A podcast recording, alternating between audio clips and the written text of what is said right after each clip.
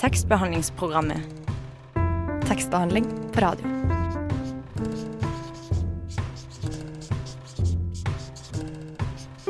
Tekstbehandlingsprogrammet.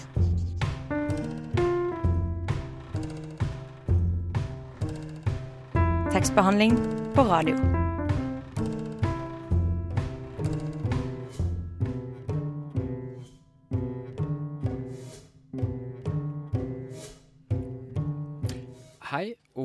Velkommen til tekstbehandlingsprogrammet Radio Nova sitt eh, litteraturprogram. Dagens eh, program skal handle om Bob Dylan, og eh, som sikkert mange av dere har fått med dere, så vant Bob Dylan årets nobelpris i litteratur, noe som har skapt en hel del debatt. Spesielt siden Bob Dylan først og fremst er sanger og musiker, og ikke forfatter, slik som mange, eller de fleste andre nobelprisvinnere. Og med oss i studio så har vi forfatter og eh, Universitetet i Oslo-professor eh, Reidar Aasgaard, og forfatter og Bob Dylan-ekspert eh, Jonny Borgan. Men først vil jeg introdusere kveldens medprogramleder, Stine. Og Stine, hva forhold har du til Bob Dylan? Jeg skal ikke si dårlig, men jeg kjenner vel bare til de mest eh, kjente sangene hans, egentlig. Jeg har kjørt så mye på han, eh, må jeg innrømme. Men jeg har vurdert å ta det her eh, faget på universitetet som valgfag. Så jeg kjøpte den ene boka, og så, men så bestemte jeg meg for å ta fag på høyskolen, der jeg egentlig går i stedet.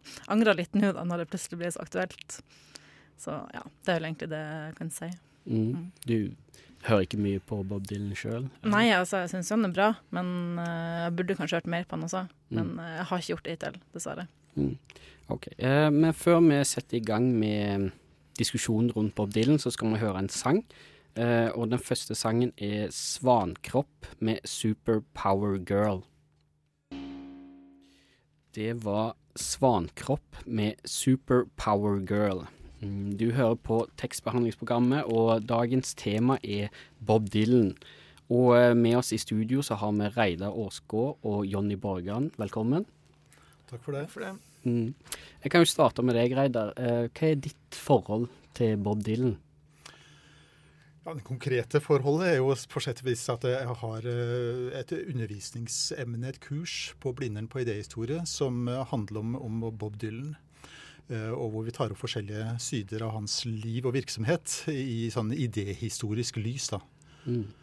Er, er det du som er skaperen av det? eh, Det emnet, ja, ja, det er egentlig det. Så eh, jeg gjorde det i forbindelse med at han fylte 70 år i 2011. Og eh, hadde tenkt på det en god stund, egentlig, eh, fordi Dylan passer så fint inn i en sånn sammenheng som idéhistorie. Altså, Emnet heter Bob Dylan tradisjonstolk og kulturspeil.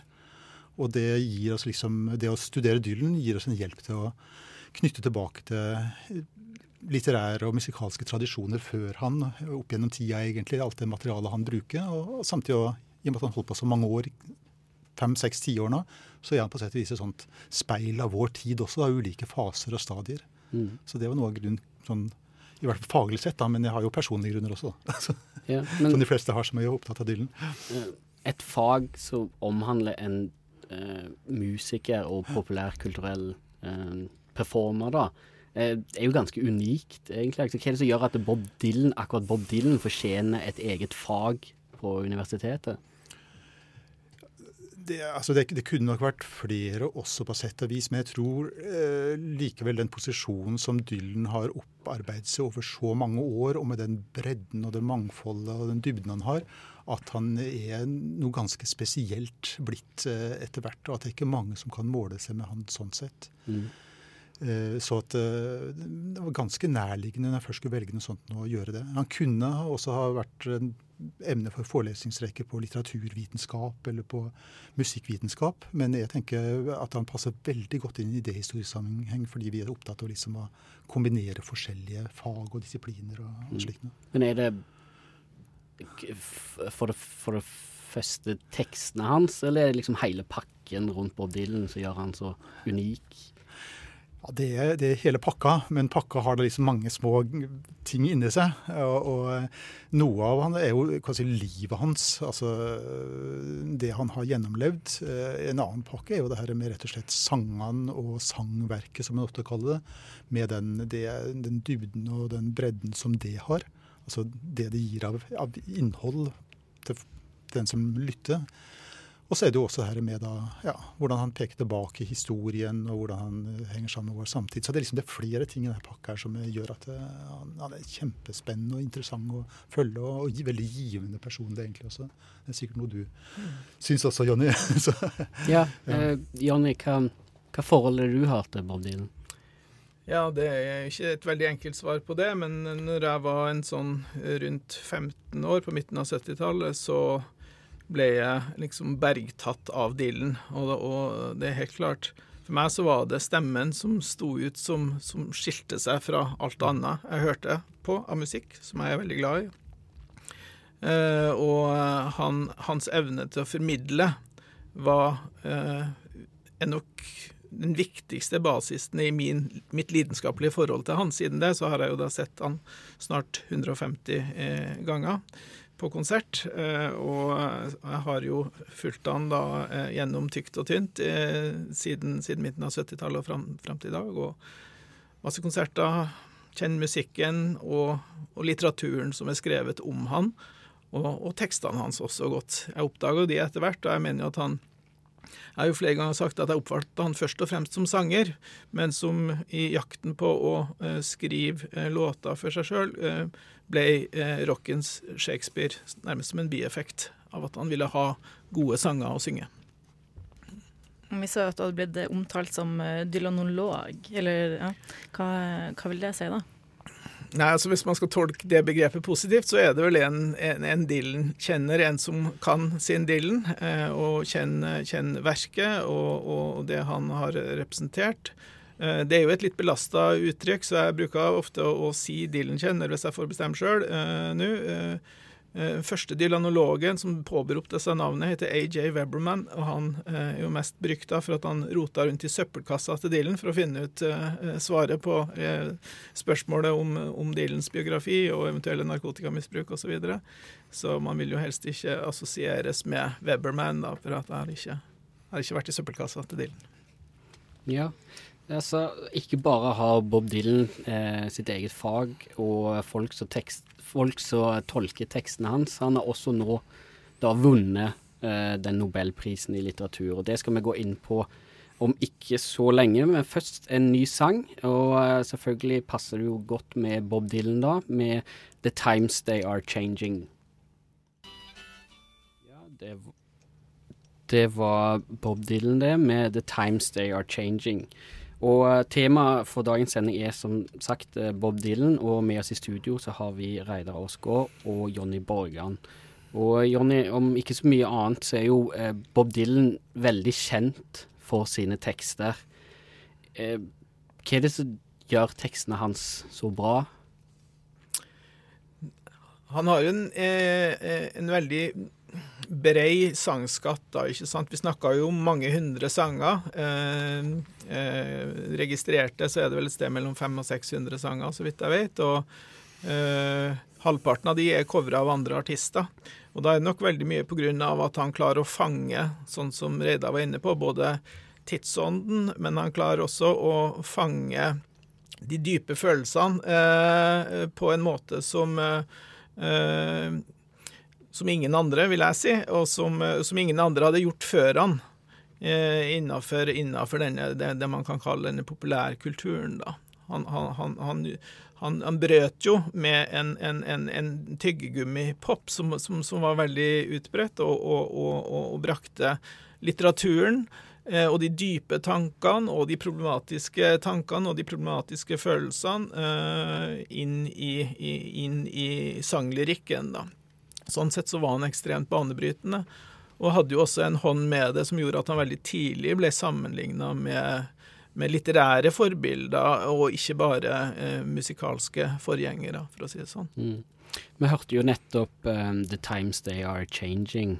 Um, og uh, Reidar, han er jo også kjent for å være det de kalte for um, Protestsanger. Protestsanger, Ja. stemmer. Ja, og, og, liksom, å være veldig sånn politisk i tekstene sine òg. Altså, hva syns du om politikken eller temaet i tekstene til Bob Dylan sånn sett? Han blei jo kalt protestsanger, men likte ikke å bli kalt det, og protesterte egentlig mot det. Og det vel, karakteriserer vel Dylan litt at han, eh, han ønsker å være fri og selvstendig, og, og på en måte få ha sin egen stemme. Sånn at han er på en måte en som plasseres litt sånn eh, på siden av kulturen eh, i mange sammenhenger, og liksom vil markere front eh, mot, mot mye i samfunnet. Og han har jo eh, Han var jo veldig assosiert med si, protestbevegelser i, eh, på tidlig 60-tall med borgerrettigheter og mot Vietnamkrigen og sånt noe. Som han jo blei si, involvert mye, men av andre. Men sjøl så markerte han seg egentlig veldig mye i forhold til at han, han ønska på sett vis ikke å bli en, en talsperson for bestemte politiske bevegelser eller sånt. Han ønska å hva si, dikte og, og, synge om de tingene som han syntes var viktige, og som handla om liksom mer overordna spørsmål. Rettferdighet. øh, Den, den lille menneskets sak og, og sånne ting. Så på den måten så har han vært en protestsang, kan en si, og er det, er det fremdeles også på mange, mange måter. Mm. Men OK, for um, en person som ikke er en Bob Dylan-kjenner, et spørsmål til begge to her. Er det noen sanger eller tekster som dere vil trekke fram som ekstra gode, eller som noe, av det- noe av det første de burde sjekke ut? Ja, altså det er jo eh, Jeg har laga mange sånne spillelister med, med, med, med anbefalinger. Eh, mitt store favorittalbum er jo 'Blood on the Tracks'. Det er jo blitt kalt den store skilsmisseplata. Det handla om den problematiske kjærligheten som kom på midten av 70-tallet. Eh, men, men det er klart, hvis du snakker om enkeltsanger og innenfor det vi snakker om nå, så, så, så, så ser jo jeg på 'Hard Rains Are Gonna Fall', som kom i 63, når han var 22 år gammel, som en veldig stor sang. 'Desolation Row', 'Visions of Johanna'. Dette er nobelprismateriale, alt sammen. Eh, så, så, men du har hele album som, som bretta ut veldig mange tema som Men jeg ville ha, vil ha pekt i retning av de, kanskje som, som en start. Reidar? Nei, jeg, jeg ville nok eh, ha gått for litt forskjellige ting. eh, rett og slett fordi at jeg opplever at han har en sånn bredde, og det er så mange innganger til og mange måter å oppleve han på. Og jeg syns fremdeles at mye av de gamle albumene, sånn som eh, The Times They Are Changing, som både album og sang da, er noe som står seg veldig fremdeles, og er umiddelbart tilgjengelig. og tror jeg, skal si, resonnere i mange, eller klinger klinge igjen hos mange som også hører i dag, også yngre mennesker. Det er lett tilgjengelig. Og, men så syns jeg også at noe som liksom er annerledes, eh, og, men også har gitt meg vel så mye, faktisk, eller i hvert fall som et voksent menneske, har, vært en viktig inngang for meg til Dylan. Og det er seinere album, sånn som eh, Oh Mercy fra 1989, eh, og, og også Time Out of Mind fra 1997 syns jeg begge er sterke album og, som har sterke tekster og, og dype, og på mange måter er dypere og har flere lag enn de første albumene hans hadde. Så, um, og det var først det som kan si, fenga med med Dylan når jeg virkelig begynte å høre på han. Så var det fra 2003 og utover, egentlig. Oppdaga han mer, og så spola jeg etter hvert over tilbake til alt det gamle og så hvilken fantastisk skatt en har her av eh, sanger og materiale.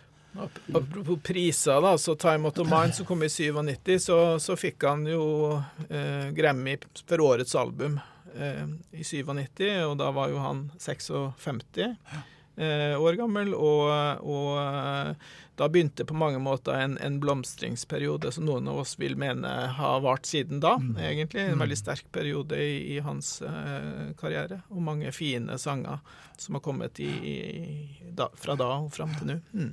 Hva det er slags type tekster han har, da kan man si noe generelt om det? Det er vel de eh, klassiske temaene, eh, eh, og det er jo veldig mye eh, både eh, Jeg vil jo si det er betraktninger om samfunnet eh, rundt han, sånn som han gjør i en sang som 'Working Man's Blues', f.eks. eksempel, Så ser han jo på hele, hele samfunnet og hvordan, hvordan ting eh, utvikler seg. Men det er klart, kjærligheten, den ulykkelige kjærligheten, den går jo igjen fra Lovesick eh, i, i uh, 97, da, mm. som er jo en av de sterkeste kjærlighetslåtene hans, kanskje. Mm. og det sier ikke så lite. men også Jeg vil ikke si Det er jo aldri sånn politisk på en venstre-høyre akse. Det var det vel har det vel nesten ikke vært siden tidlig 60-tall. Men, men, det er betraktninger om, eh, om samfunnet og samfunnsutviklinga som, som, som, fra et litt utenfra-ståsted, sånn mm. som, som Reidar er inne på. da. Jeg støtter på det liksom med det her samfunnsperspektivet, måten å se samfunnet på. Gjerne da sånn nedenfra. Working mm. man's blues og mm. sånn. Det perspektivet fra hvordan samfunnet ser ut eh, sett nedenifra og oppover. At uh, det er det som er hans posisjon. The outcast. Mm. Av og til den som står utafor loven. Mm. Så, men eh, det som jeg tenker også er veldig sånn flott med teksten hans, går jo også på det med kjærlighet for så vidt til temaet. Hvordan han det går jo igjen i hele hans produksjon, det her med kjærligheten som tema, men hvor mangfoldig han gjør det. altså Hvor han både kan skrive de inderligste, vakreste kjærlighetssanger, Eh, sånn som eh, Sad-Eyed Lady of the Lowlands fra 1966. Eh, til hun som egentlig hun som var kona hans, nettopp nygift. Og, og så noen år seinere, når ekteskapet går vanskelig, så, eller går skeis etter hvert, så synger han en sang som heter 'Sarah'. Som da er liksom en veldig sår og, og, og trist sang på mange måter, og hvor på en måte liksom tapte, det tapte forholdet. Og så var det andre kjærlighetssanger hvor han mm. er mer over på den bitre og den beske sida. 'Lovesick', hvor han lengter etter mm. kjærlighet fra 1997. Mm. Og også 'Can't Wait', som jeg syns er en veldig sterk også kjærlighetssang, også fra 1997 fra 'Time Out of Mind'. Hvor han liksom er på en måte er frustrert og sint i, i kjærligheten. Han både liksom elsker, men er blitt på, på dette vis eh, svikta. Mm. Og sånne ting, altså Hele det spekteret som kjærlighet kan by på. Mm mellom mennesker, mann og kvinne, eller også kjærlighet i mer sånn videre forstand, altså forholdet til, til mennesker generelt. Øh, nestekjærlighet, eller, eller også kjærlighet til Gud osv. Altså det, det, det, det, er så mange nivåer bare innafor mm. som tema. Men øh, mm. det er jo et av de store temaene. Kjærlighet er ved siden av mange andre temaer. Ja. Liv og død, ikke minst. også. Mm. Jeg kan man si at eh, tekstene hans har utvikla seg, eller at de har endra seg gjennom, opp gjennom årene? I, i, høyeste grad så kan du jo si det, og det har jo gått i, i eh, fasene Altså, han kommer jo fra folkmusikken på mange måter. For folkmusikken, bluesen, countrymusikken. Eh, og tok med seg det og begynte å skrive egne tekster som var veldig inspirert av den, den, den den tidlige, gryende kan du godt si protestbevegelsen, da ungdommen som gikk ut etter hvert i gatene og, og, og, og tok uh, retta fingeren mot establishment og Masters of War, som han skrev om, osv. Så, videre. så gikk han jo over i en mye mer sånn personlig, introvert, poetisk uh, fase eh, fra 'Another Side of Bob Dylan' og gjennom disse, den, store rock-trilogien på midten av eh, 60-tallet. Der ble mye mer surrealistiske og modernistiske innslag, der han brukte et helt annet billedspråk, rett og slett. Så var han tilbake til countrymusikken med katt og kaniner på landet og skrev 'Lay Lady Lay' og mer eh, klartekst, eh, romantiske eh, sanger. Så han har gått igjennom mange eh, sånne bølger, egentlig. Har jo vært tilbake også nå på, på 2000-tallet i mye mer sånn mosaikkprega, modernistiske kollasjer av veldig mm. mange uh, typer metaforer. Uh, men der temaene kanskje har vært mange, mange av de samme. Uh, og, og, og, fra 97 og ut så vil jeg jo si det at han, han, han setter jo også da et poetisk språk på det å bli gammel. Og det at livet er forgjengelig, er jo et, er jo et, et tema som har kommet veldig sterkt mm. eh, de siste årene. Da. Mm. Det er helt enig i din beskrivelse der. og Det som jeg kunne føye til, er jo litt sånn det her med, med for andre faser, altså mer sånn eksistensielt prega faser. Altså På slutten av 70-tallet, begynnelsen av 80-tallet, den her kristenkarismatiske perioden, som jo prega veldig mye av hva han gjorde da. Eh, og hvor han sant, sang gospel og, og, egentlig var på mange måter nyskapende også innen den, den sjangeren. Og så også i seinere år hvordan han, han, ved siden av det her med aldring og død også på sett og vis har dyrka videre her med litt sånn apokalyptiske temaer. altså også pessimistisk syn på, på, samfunnet, på verden og hvordan den utvikler seg. Og hvor det er egentlig et ganske mørkt sånn samfunn han beskriver. Det har han egentlig gjort hele veien, men det er på en måte nesten litt mer sånn resignert på én måte, og enda beskere enn det var da The Times They Are Changing, for da forandra ting seg. Mm. Men uh, seinere så er det nok blitt mer sånn uh, Temaet fortsetter. Det, ap det apokalyptiske er der, men det er enda mørkere på mange måter. Mm. Mm. mm. Absolutt. Ja. Uh, vi skal ha en uh, ny sang, og vi tenkte vi skulle fortsette med Dylan her. Og nå skal vi høre en av mine favorittsanger, nemlig Lay Lady Lay.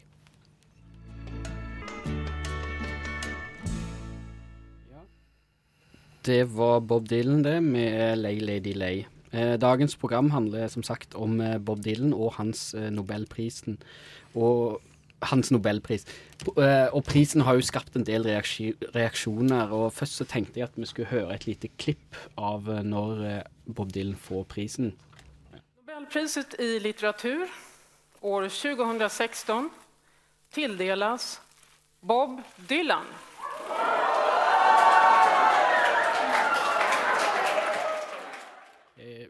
Ja, full jubel i salen der når Bob Dylan vant prisen, men det er jo ikke alle som er like begeistra. Eh, Reidar, hvorfor, hvorfor, tror du det at Bob Dylan har vunnet den prisen, har skapt så mye reaksjoner? Mm. Har vi hørt her opptaket, så det i hvert fall tydelig at mange der var begeistra ut fra reaksjonene. Så jeg, jeg lurer på De visste vært... hvem det var? De var jubla for det, sikkert? Ja, ja, ja, de visste hvem det var. Ja. Så jeg tviler på at det noen ganger, eller så mange ganger det har vært sånn jubel. Men det er klart at det, er jo, det har heva så mange kritiske røster etterpå, eh, en god del. Men det har jo noe å gjøre med at han også er så kjent fra før, eh, og at det er mange som har meninger og tanker om det. Og jeg kan skjønne noe av den diskusjonen, men jeg for min del syns at det her er en høyst uh, fortjent pris. Altså, så, uh, at det, det, er veldig flott at Dylan har fått den.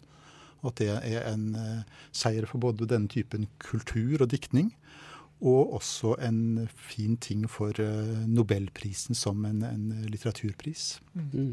Men hva, hva, reaksjoner er det som har kommet? Hva er det folk sier om det, det, er jo altså på noen av disse mest hatefulle ytringene så har du følelsen av at uh, Bob Dylan har gjort dem personlig noe galt, uh, eller mora deres, eller noe sånt.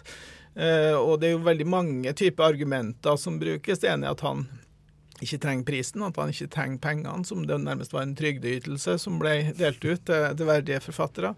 Men, men så har du jo også en veldig ja, seriøs eh, kritikk som går mer på det litterære. Altså mener at man, her går man ut over grensa for det litterære, er det en del som mener. Jeg er jo helt uenig i det, men, men det er i hvert fall en, en argumentasjon du kan, kan, kan, kan, forholde deg til. da. Uh, og så er det jo andre som mener at uh, OK, han er kanskje den største uh, låtskriveren og sangtekstforfatteren vi har. Men det gjør ikke at han fortjener å komme før Don DeLillo og Philip Roth og, og de favorittene som, som, som, eh, som litteraturkritikerne har. da. Det er jo interessant å se at litteraturkritikerne har vel vært mye hardere i, i klypa enn det jeg oppfatta at andre diktere har vært. Du ser Salman Rushdie og Don DeLillo f.eks. har jo gått ut og sagt at det er et godt valg. Altså, De sto jo på lista sjøl, de har vært nominert sjøl i, i mange år. Mange mener at de også har fortjent prisen. Så jeg oppfatta en litt mer raushet fra, fra, fra diktersida enn fra kritikersida, faktisk. Mm. Mm. Syns du det var fortjent, da? Altså, Jeg mener at Dylan er en av mange verdige vinnere til nobelprisen i litteratur. Eh, og når man først, eh, og det er jo en radikal pris eh, på den eh, måten at den åpner og sier at dette også er eh, litteratur av høy verdi. Så Dylan har blitt sammenligna både med Shakespeare og Whitman og Ginsberg og Kerouac eh, og Rambaud mm. helt fra starten av, helt fra tidlig 60-tall. Sånn at han, han, har jo blitt betrakta som del av en, en litterær, litterær tradisjon, da, egentlig fra veldig tidlig i karrieren. Bertolt Brecht osv. Så, så, så, så, jeg syns det er helt naturlig at hans verk ses på som litteratur, og, og, og hans poetiske eh, tyngde eh, gjennom hele forfatterskapet, som vi kan snakke om nå, da, mener jeg gjør at han eh, er en veldig fortjent vinner. Og Cohen, en annen eh, eh, sangtekstforfatter, og eh, for så vidt både roman og lyriker ut, utenom, har jo sagt at dette er som å sette en medalje på Mount Everest for at det er det største fjellet. Og, så han er i hvert fall helt tydelig på at det var en fortjent pris. Ja, men mm. tror dere at det kan ha noen konsekvenser for, eh, for prisen da, framover? At det kan miste litt kredibilitet eller status eller sånn? da? Jeg vil, eh, jeg vil, ikke tro det. Jeg tror egentlig at det her er med på å, å vedlikeholde og styrke eh, litteraturprisen. Og at en tenker åpner om hva litteratur og den typen eh, si, kunstnerisk virksomhet er. Og jeg tenker at Her er det faktisk Dylan som står i den veldig lange tradisjon når det gjelder det her med si, det levende ordet å formidle det. Han står egentlig vil jeg si, i en sånn kunstnerisk tradisjon fra Homer og opp til vår tid, som, hvor litteratur og diktning har vært fremført på en helt annen måte, aktivt. Det har vært et helhets formidling. Og, og, hvor egentlig det som nå er moderne litteratur, eller skjønnlitteratur ofte, da, som har fått prisen, er jo en, en sjanger som da på sett og vis er, er, veldig smal. altså Det er ord som også bekjentgjøres i et medium, at det skrives i bøker og leses sånn. Men, men det er ikke nødvendigvis i vesen forskjellig fra det som fremføres. Før var fremføring. Mm. Eh, trubadurer i middelalderen eh, sangere til forskjellige tider, diktere, fremførte det som, mm. som med den typen kunstneriske uttrykk. Eh, også moderne diktere. Jan Erik Vold, ikke sant? hans dikt 'Loffen'. Jeg vet ikke hvor dypt det er akkurat det, men det, hvert fall det, det hadde ikke vært noe uten fremføringa. Her henger det mm. sammen. Og eh, Det er ikke dårlig litteratur, det heller. men Det er kanskje ikke topplitteratur, mm. men uh, jeg tror en, må, ja, en, bør tenke videre om hva litteratur er. Mm. Ja, apropos eh, fremføring, nå skal vi høre en ny sang. Og det er The Modern Times med Keyholes and Birds.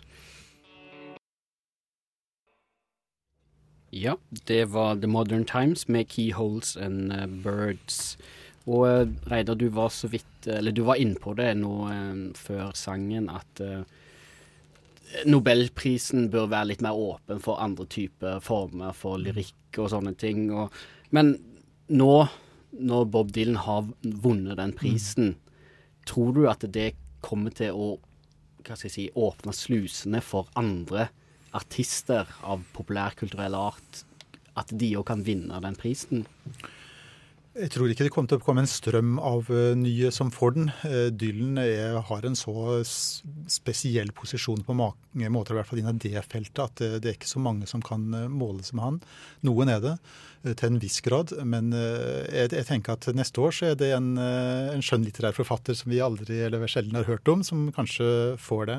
Så jeg tror ikke det er noen sånn forsøk på fra svenske akademien og fra Nobelkomiteen til å liksom prøve å imøtekomme populære ønsker og sånt. Jeg mm. tror det her er vel reflektert, og at det, de har gjort noe som representerer en en viss utvidelse av forståelsen av hva det dreier seg om å få Nobels litteraturpris. Men jeg tror det, ja. I fjor var det en som var mer si, orientert mot sakprosa, vel. Mer sakprosaist som fikk det. Tidligere har da både Winston Churchill fått det som taler, og, og andre fått som også liksom er tilgrensende sjangre til litteratur og skjønnlitteratur. Så det, det, har vært lignende tilfeller før også. Mm. Men hvis det da skulle skje da at en ny eh, populærkulturell artist eh, kommer til å vinne den prisen, hvem, hvem tror du hvem tror dere begge er neste person i rekka? Er det Cohen, er det Springsteen, er det Paul Simon? Hva, Jonny? Ja, sånn som jeg ser den, tror jeg ikke det er noe stor fare for at det blir en stristrøm av, av populærkulturelle nominerte. Eh, det skal jo nomineres på et litterært faglig grunnlag. Og det er jo på et litterærfaglig grunnlag han har fått denne prisen. Men hvis, eh, for meg så er det nok Cohen som står nærmest, som jeg oppfatter eh, er nærmest å oppfylle de litterære kriteriene for å vinne en sånn pris. Mm. Det vil, vil, jeg nok, eh, vil, jeg nok, si at jeg, at jeg ser Cohen, selv om han har et mer begrensa eh, forfatterskap som, som, som eh, skriver av sanger, så, så, så, holder det veldig høy kvalitet, da. Mm. Etter mine begreper. Nei, Jeg vil nok si meg enig i at jeg, jeg, tenker at Cohen er vel den som er nærmest, i hvert fall ut fra hva, hvilke artister jeg kjenner til. Uh, men også andre som Paul Simon, som du nevner. Han skal jo snart spille i Oslo på torsdag. Mm. Uh, men altså, en kvinne som Johnny Mitchell kunne være også interessant, sånn sett, som har hatt en veldig høy uh, litterær kvalitet i mye hun har gjort. Jeg kjenner jo mest til den tidlige produksjonen hennes, men det var utrolig mm. mye bra, det òg. Hun har jo holdt på til denne dag. Men er det sånn at er Bob Dylan virkelig så sterk som tekstforfatter eller som mus eller som artist at ingen andre artister kan komme opp på hans nivå? Jeg har jo begrensa kunnskap, men akkurat innenfor for, uh, musikken og rocken, og der, der, der, klarer ikke jeg å se. Altså, jeg er enig i Johnny Mitchell før Paul Simon, antagelig, mm. uh, vil jeg tenke, men, men uh, jeg oppfatter han relativt unik.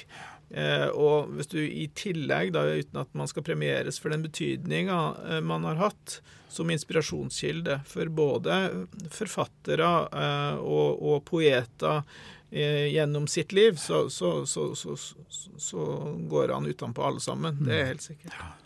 Nei, det er jeg helt enig i også, at, at det er få som jeg må si, er så mye cover eller brukt sanger av som, som Dylan. Altså, går du til en artist som altså David Bowie, som nå nylig døde, så eh, han er jo også en enestående skikkelse på mange måter og har masse kvaliteter. men han har jo ikke på en måte en, en, synger ikke hans sanger. sånn som Nye generasjoner tar det ikke i bruk på samme måte som med Dylan. Det tror jeg Dylan også er ganske unik og kommer til å være det med at hans sanger blir også nytolka av andre. Han retolker de sjøl, og det blir også nytolka av andre. og mm. kommer til å bli det fortsatt. Nylig oversatt til nynorsk.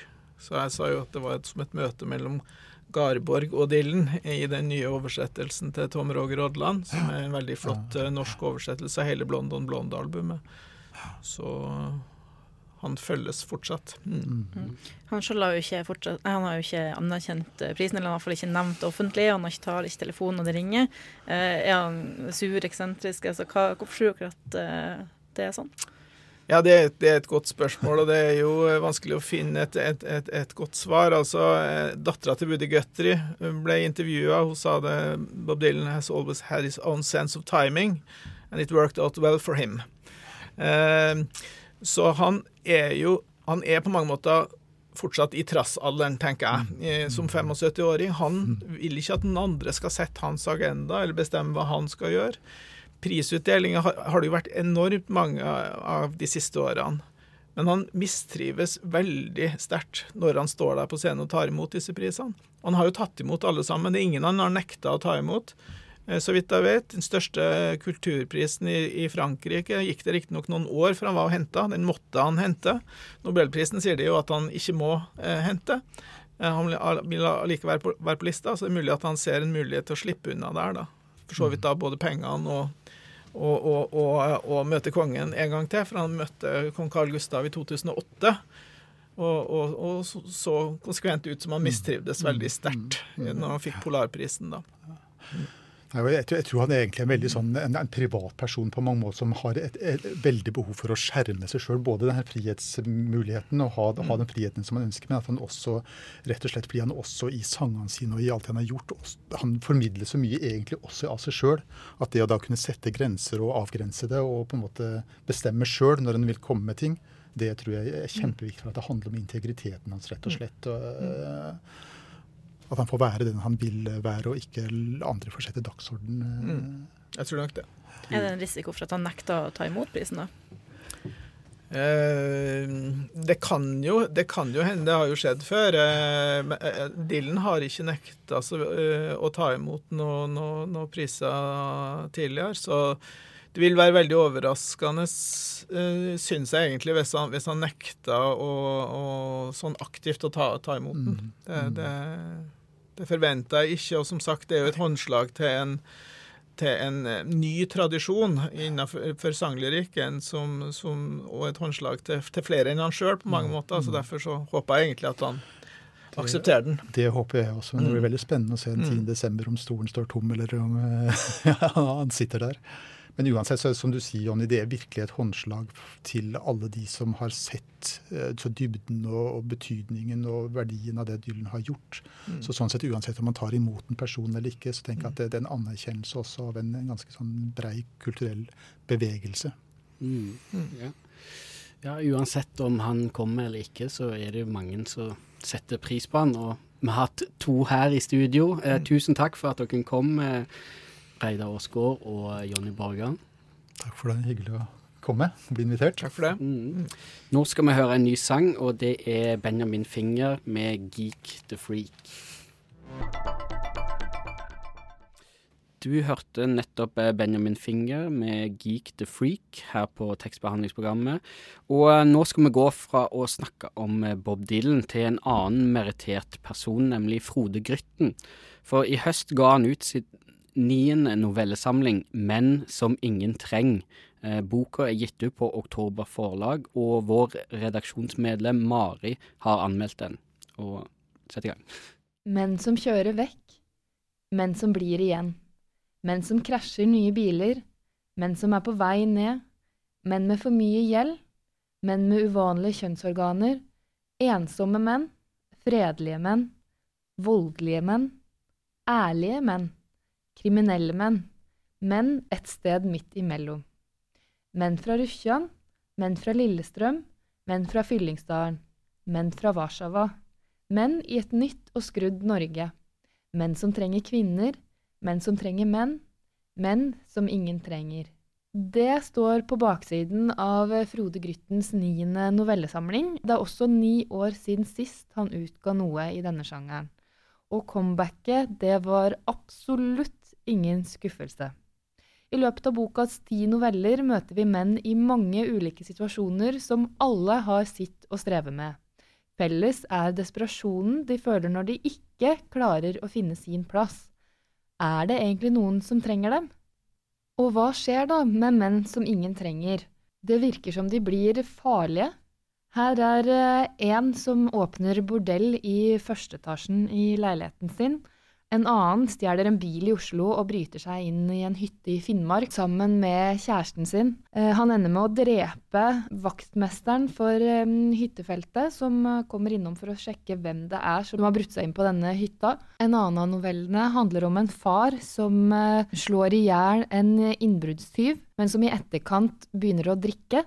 En fjerde novelle handler om eh, to polakker, en far og en sønn, som eh, gjør business av å krasje biler i Norge og få hjem på forsikringa, helt til det en dag går galt og sønnen havner på sykehus. Og dette her er ikke halvparten av novellene engang. Frode Grytten er en mester i å skrive historier om ting som er så langt fra han selv som han kanskje kommer. Her er det alle mulige situasjoner. Det er en vekter som eh, blir filmet når han legger en mørkhuda gutt i bakken, og denne filmen går viralt over hele Facebook. Det er en mann på 74 som roter seg bort på E6 en eh, julehelg. Det er også en hotelleier som eh, blir anklagd fra litauiske vaskehjelper for å ha forgrepet seg på dem. Så det er det er ikke akkurat hyggelig lesning, eh, men det er eh, spennende. Vanskelig å legge fra seg, og du, du får på en måte ikke noe lykkelig slutt heller på noen av novellene. Det, det sitter kanskje litt igjen som et spørsmålstegn eh, mange steder. Hva, hva skjer, og hvordan går det med disse mennene som er så desperate, som kanskje blir forlatt, som ender opp alene? Novellene er veldig troverdige, og det virker som Frode Grytten ønsker å provosere leseren med vilje i eh, historien om disse mennene som tar feil valg i livet og har helt absurde holdninger til eh, f.eks. flyktninger. Eller kvinner, eller polakker som de mener tar eh, arbeidsplassene deres. Og historiene får en også til å reflektere, altså hvorfor har disse mennene blitt sånn?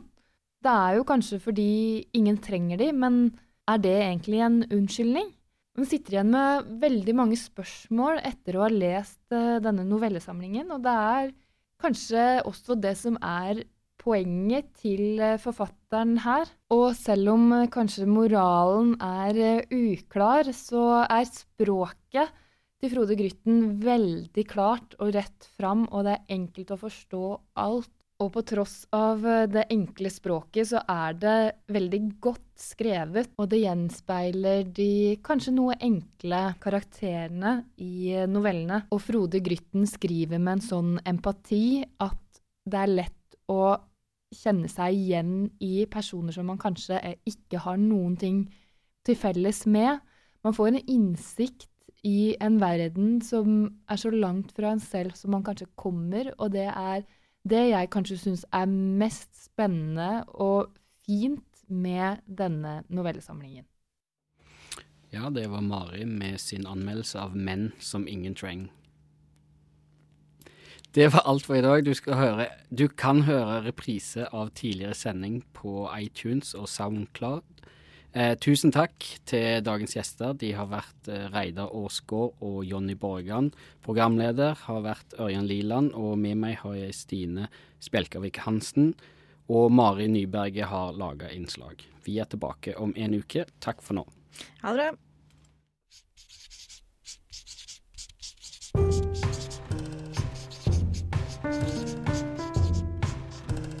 Tekstbehandlingsprogrammet. Tekstbehandling på radio.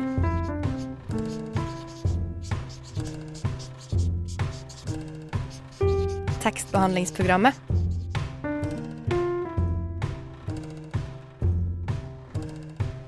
Tekstbehandling på radio.